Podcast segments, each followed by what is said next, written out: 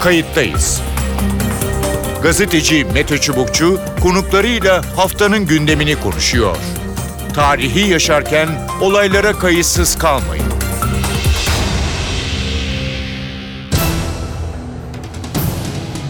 İyi günler bir kayıttayız programıyla daha karşınızdayız. Tarihe ışık tutmak ve olan biteni anlamak için önümüzdeki 20 dakika birlikte olacağız. Ben Mete Çubukçu, editörümüz Sevan Kazancı.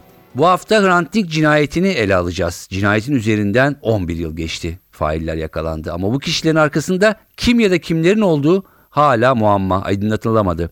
Yıllardır suikastin örgütlü bir yapının işi olduğu görüşü dile getirildi, iddia edildi.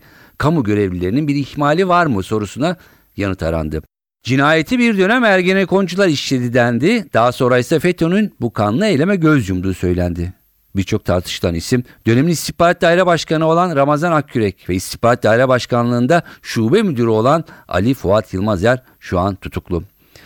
Kayıttayız da bu hafta 11. yılında Hrant Dink cinayetini konuşacağız. Nereden nereye gelindi? İki konuğumuz olacak. Telefon attığımızda Oral Çalışlar var. Oral Çalışlar e, kayıttayız hoş geldiniz. Hoş bulduk. iyi yayınlar diliyorum Meteciğim. E, 11 yıl oldu. 11 yıl önce e, 19 Ocak'ta Hrant Dink öldürülmüştü.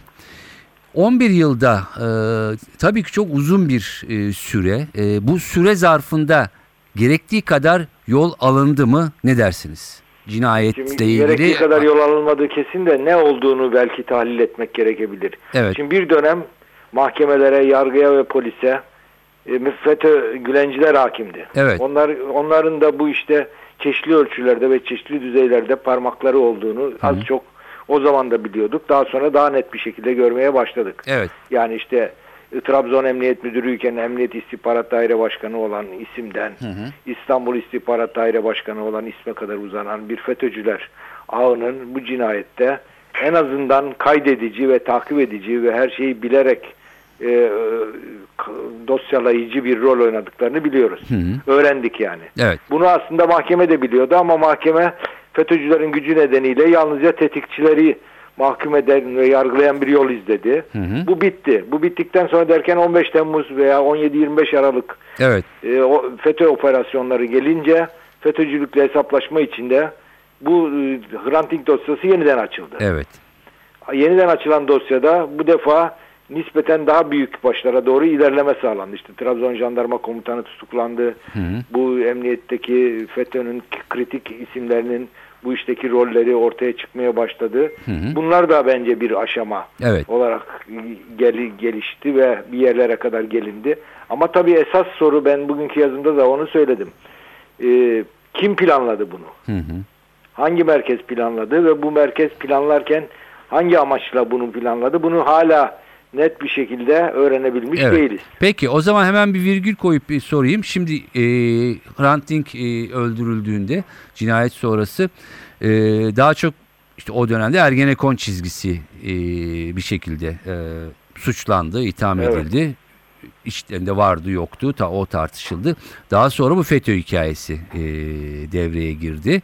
E, bu arada e, şimdi siz hani resmi çiziyorsunuz ya tam bu büyük resmin arkasında kim var e, diye. Herhalde bu daha tam net olmadı değil mi ortaya çıktı? Hayır onu bilemiyoruz. Yani şimdi Trabzon Jandarma Komutanı e, bu işin diyelim ki başrol oyuncularından biriydi. Veya Ramazan Akkürek başrol oyuncularından biriydi. Ama onlara bu talimatı veya bu gerekçeyi kim sundu? Yani ben e, FETÖ'cülerin esas olarak kaydedici rolü oynadıklarını düşünüyorum. Yani cinayeti biliyorlardı, görüyorlardı, tespit ediyorlardı ve bu cinayetin işlenmesini kendi siyasi gelecekleri açısından faydalı görüyorlardı. Onun için cinayete yol verdiler. Yani bu Marquez'in e, Kırmızı Pazartesi kitabında olduğu gibi yani o minval ya da o, o çevrelerde Yani devlet tarafından bilinen cinayet evet. adım adım sahneye kondu ve gerçekleştirildi. Hı hı. E, Tabii ama burada kim bunu planladı? Mesela ben şimdi jandarma komutanı Ali Öz. Şimdi bir Türkiye'deki askeri hiyerarşiyi bildiğimiz için, merkezi otoriteyi bildiğimiz için bir jandarma komutanının kendi başına böyle bir şeyi planlayıp kendi başına karar vermesini mümkün görmüyorum. evet. Bizim geleneklerimiz içinde bu mümkün değil. O zaman jandarma komutanı Ali Öz'ü kim yönlendirdi? Neden yönlendirdi? Bunu bilmiyoruz. Evet. Bir MIT görevlileri detayı var. E, ne kadar tabii ki e, yardımcı O işte olacak. onlar da bir, en azından biliyorlar. Evet. Bildiklerinin ötesinde başka ne y- yapıyorlar onu bilmiyoruz. Hı hı hı hı. Peki şunu sormak isterim. Neyi e, ifade ediyordu e, Hrant Dink? Neyi temsil ediyordu? Hrant Dink aslında 1900 2000'li yılların başında yükselen Türkiye'nin özgürlük ve demokrasi dalgasının Avrupa Birliği üyeliğine yönelik büyük rüzgarın önemli temsilcilerinden biriydi. Hı hı. Çünkü farklı kimliğiyle de kabul görmesi o zaman toplumda oluşan yeni havanın ürünüydü. Yani Ermeni kimliğiyle ortaya çıkan, Evet. demokrasi diyen, eşitlikçilikten söz eden gerçekçi bir insan toplum tarafından ilgiyle ve onun söyledikleri merakla ve desteklenerek karşılanıyordu. Bu Evet. aslında sırf Hrant Dink'le sınırlı bir şey değildi. Yani Türkiye'de o zaman ciddi bir özgürleşme Hı hı. umudu, Avrupa Birliği üyeliği umudu, Türkiye'nin Kürt meselesini çözebilme umudu, Ermeni meselesinde geçmişin hesabını sorabilme umudu yükseliyordu ve bunun simgelerinden birisi de Hrant Dink'ti. Hı hı. Bir kesim ise bu da, bu dalgaya karşı direnmek ve bu dalgayı ezmek istiyordu. Evet. Hrant Dink'i öldüren güçler bu dalgayı ezmek isteyen güçlerdi. Yani siyaseten tarif ettiğimiz zaman böyle bir tarifte bulunabiliriz. Hı hı. E, peki neden susturuldu sizce? Ee, yani e, tabii şimdi Türkiye'nin e, gördüğümüz bu büyük yolculuk, Avrupa Birliği yolculuğu, demokrasi yolculuğu, bireysel ha- hak ve hukuk yolculuğu, Kürt meselesini çözme yolculuğu bunların hepsi bir paket aslında. Hı hı. Hepsi birbiriyle ilişkili. Evet. Hepsi birbirini etkiliyor. E, şimdi tabii e, bunun gerçekleşebilmesinin ne kadar mümkün olduğunu bir denemiş olduk biz şeyle. Hı hı hı hı. 2000'ler 2000'li yılların başından başlayan ma- maceramızda ve Hrant'ın öldürülmesi aslında bu noktadaki bir kırılmanın işaretiydi. Türkiye'nin değişiminde rol oynaması ihtimali bulunan güçlerin hedef alındığı mahkemelerde e, biliyorsunuz Orhan Pamuk da benzer bir saldırı oklarını e, şeyi haline hedef haline gelmişti o dönemde. Evet. Yani Türkiye'de e, o zaman aydınlar toplumsal değişimin önemli etkili motoru olarak Hı hı. etkili bir rol oynuyorlardı. Hrant da bu etkili rol oynayanların önemli isimlerinden birisiydi. Hı hı. Simge isimlerinden birisiydi ve üstelik Ermeniydi. Evet. Tüm E, bu özellikler nedeniyle e, bu dalganın önünü kırmak isteyen, bu dalganın önünü kesmek isteyenler en önemli ve en kolay hedef olarak yani kolay olması da Ermeni olmasıdır.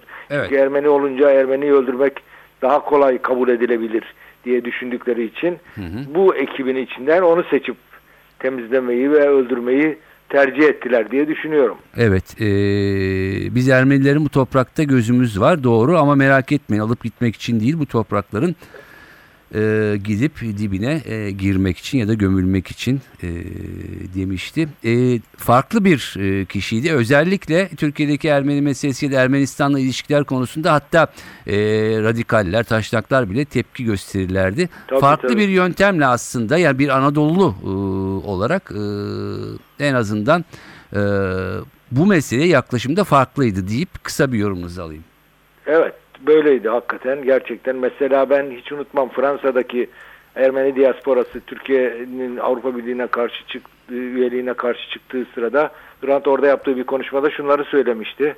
Ya kabul edin kardeşim Türkiye girsin ki Ermeniler de demokratik bir ülkede yaşamanın rahatlığı içinde diye onları ikna etmeye çalışıyordu Türkiye'nin Avrupa Birliği üyeliğine destek vermelerini sağlamak için. Hı hı. Yani böyle özellikleri vardı. Gittiği birçok yerde önce yani mesela Trabzon'da nasıl Türk milliyetçileriyle e, boğuştuğu gibi Ermeni milliyetçileriyle de Hrant boğuşuyordu. Fakat büyük çoğunluğunu da ikna edebilecek etkili bir dile ve etkili bir konuma sahipti. O yönüyle de çok önemli bir isimdi. Evet peki. Ee, Oral Çalışar çok teşekkür ediyorum. Ee, İyi yayınlar ka- diliyorum. için. sevgiyle, özlemle anıyoruz 11. yılında. Teşekkür ediyoruz. Konuğumuz avukat Hakan Bakırcıoğlu. Hakan Bakırcıoğlu Dink davası müdahil avukatı. Hakan Bey hoş geldiniz programımıza. Hoş bulduk Mete Bey. 11 yıl oldu çok uzun e, bir süre. 11 yıl e, gibi uzun bir sürede e, mahkemenin mahkemelerin daha doğrusu e, geldiği yer aslında bu kadar da herhalde dolu değil diye söze başlayayım ne dersiniz? Ee, evet, hani 11 yıl oldu gerçekten. Ee, soruşturmalar e, oldu, iddianameler düzenlendi ve 11. yılın sonunda Trabzon'da jandarma görevlileri hakkında yürüyen dava İstanbul 14 Ağır Ceza Mahkemesi'ndeki davayla birleştirildi Evet. ve 85 sanığın e, yargılandığı 11'ine tutuklu olduğu bir dava dosyası haline geldi. Hı hı. Ee, belki de kamuoyuna da hatırlatmak e, babında. Şu anda da durum ne? Kimler e, bu davadan e, mahkum oldu? Kimler tutuklu olarak? Ya, belki isim yani çok olabilir vermeyebilirsiniz ama hani aşama aşama e, ve şimdi e, ne e, dava dosyasında öne çıkan ne? Ya ana hatlarıyla söyleyeyim. E, Yasin Hayal, Ogün Samast, Ersin Yolcu, e, Ahmet İskender bunlar ilk davada e, İstanbul 14 Ağır Ceza ve e, bir çocuk ceza görülen davalarda mahkumiyetler aldılar ve bunlar onandı. Evet. E, onlar yönünden kesinleşti. E, fakat Yargıtay hem örgütün e, soruşturulması hem bir kısım sanığın cezalandırılmasına dönük karar verilmesi gerektiği gerekçesiyle e, bir bozma kararı vermişti 2013 yılı Mayıs ayında. Evet. E, ama İstanbul Savcılığı bir yanıyla da bu davalar görürken soruşturmayı sürdürmekteydi ve e, önce 27 kamu görevlisi hakkında 2005 yılı Aralık ayında iddianame düzenlendi. Sonrasında da Mayıs 2017 yılında çoğunluğu kamu görevlisi olmak üzere 50 kişi hakkında daha dava e, açtı, bir iddianame düzenledi. E, düzenlenen iddianamede Zekeriya Öz, Fethullah Gülen, Ekrem Dumanlı da var. Hı hı. E, İstanbul İl Jandarma, Trabzon İl Jandarma Komutanlığı ve Samsun İl Emniyet ve Samsun İl Jandarma Komutanlığı görevlileri de var. Peki şunu sorabilir miyim hemen? Bu FETÖ e, e, nin ortaya e, bu şekilde ortaya çıkması davanın gidişatında yönü değiştirdi mi E, ya da hızlandırdı mı? E, 2014 yılına değin e, açık olan bir soruşturma dosyası vardı. Kısıtlama kararı vardı ve e, biz uzun zaman müdahil tarafı olarak dosyayı inceleme olanağından dahi yoksunduk. E, fakat e, bu tür bir soruşturma başlatıldığında elbette bu soruşturmayı da hızlandırdı. Hı hı. Ve açılan davada da e, hem cinayette iştirak ettikleri hem de Fethullah Gülen örgütü, paralel devlet yapılanması üyesi oldukları iddiasıyla iddianame düzenlendi. E, elbette ki bu örgüt kapsamında soruşturmanın yapılmış olması e, daha önce dava açılmayan birçok kişi hakkında dava açılmasına beraberinde getirdi. Evet. Hı hı. Peki e, incelediğimde iki nokta öne çıkıyor. Ne kadar e, önemli tabii bilemiyorum ne kadar belirleyici. Birincisi e, Hrant Dink'in öldürüldüğü e, gün ya da öncesinde e, tetiği çeken kişinin oraya devlet görevlilerince bilmiyoruz. Belki jandarma tarafından getirildiği ve götürüldüğü ben tabii biraz şemalaştırıyorum. İkincisi de e, Hrant Dink öldürülmeden önce İstanbul Valiliğinde MİT görevlileri tarafından tehdit edildiği iddiası. Bunlar ne kadar belirleyici ve e, ortaya çıktı mı çıkma ihtimali var mı? E, doğru bir şey söylediniz. E, İstanbul Cumhuriyet Başsavcılığı e, 2017 yılı Mayıs ayında düzenlediği son iddianamesinde e, Trabzon İl Jandarma Komutanlığı görevleriyle İstanbul İl Jandarma Komutanlığı görevlilerinin cinayet için organize olduklarını, Hı hı. Trabzon İl Jandarma Komutanlığı görevlilerinin e, 2006 yılı Ağustos ayında İstanbul'a geldiklerini ve keşif yaptıklarını, e, ve e, cinayet günü ve cinayet günü öncesi de o gün Samast e, cinayeti işlediği günde İstanbul İl Jandarma Komutanlığı'nın bir kısım görevlisinin e, Agos civarında bir kısım görevlisinin ise e, Hrant Dink'in evinin bulunduğu bölgede oldukları dönük bir tespit gerçekleştirdi. İddianamesini bunun üzerinden düzenledi.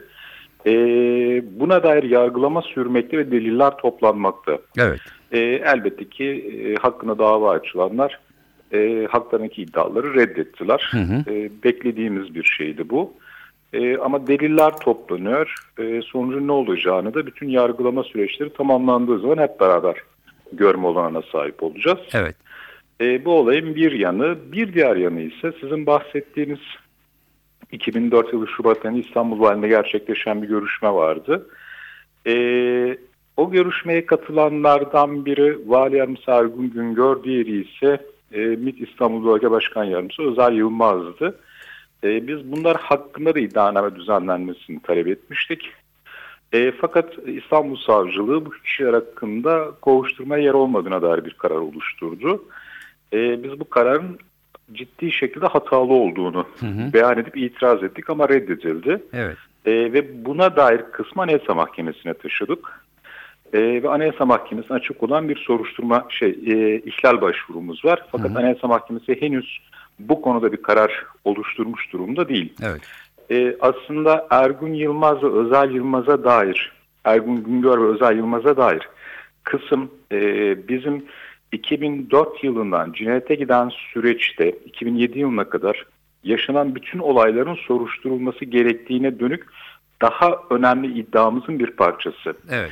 Çünkü biz İstanbul Savcılığı'nın e, cinayete giden süreci ve bu süreçte görev alan kişi ve kurumları etkin şekilde soruşturmadığını söylemekteyiz. E, ve Anayasa Mahkemesi'ne başvurumuzda da buna dair argümanlarımız mevcut. Çünkü biz cinayete giden süreçte yaşananlarla cinayet arasında çok ciddi bir bağlantı olduğunu, bu husus soruşturulmaksızın e, cinayetin tüm yönleri açığa çıkartılamayacağını müdahil taraf olarak söylemekteyiz. Dolayısıyla da İstanbul Savcılığı'nın e, 2015 ve 2017 yılında düzenlediği iki ek iddianame elbette ki önemlidir. Evet. E, ve fakat e, cinayete giden süreç ve o süreçte yaşananlar etkin şekilde soruşturulmadığı için e, soruşturma ve dava bu yönde ciddi şekilde eksiklik de taşımaktadır. Oysa ki bütünlüklü bir yargılamanın yapılabilmesi ve doğru sonuca ulaşılabilmesi için bu sürecin de etkin şekilde soruşturulması, bu süreçteki kişilere dönük iddianame düzenlenmesi, Hı hı. yargılamaların birleştirilmesi bütünlüklü bir yargılama yapılması gerekliliği vardır. Evet. Ee, anlaşılan bir süre daha e, bekleyeceğiz ama e, umalım ki e, 12. yılda e, daha net e, bir takım e, bulgular e, mahkemelere e, gelsin ve e, kamuoyunu 11 yıl sonra belki 12. yıla giderken tatmin etsin e, diye e, diliyoruz. E, var mı ekleyeceğiniz e, şey? Teşekkür ederim. İyi yayınlar dilerim. Peki. Çok teşekkür ediyorum yayınımıza katıldığınız için. Hakan Bakırcıoğlu, Dink davası müdahil avukatıydı. Evet 11 yılda gelinen nokta bu. Yıllardır suikastin örgütlü bir yapının işi olduğu görüşü dile getirilmişti başta söylediğimiz gibi. Bu öyle mi değil mi bunun kesinlikle ortaya çıkması gerekiyor. Kamu görevlilerinin bir ihmali var mı? Soruşturulmayan kamu görevlileri var mı? Umarız 12. yıla doğru giderken bunlar kamuoyu önünde biraz daha netleşir. Evet suikastin 11. yılında Hrant Dink'i buradan saygıyla gazeteci Hrant Dink'i saygıyla anıyoruz.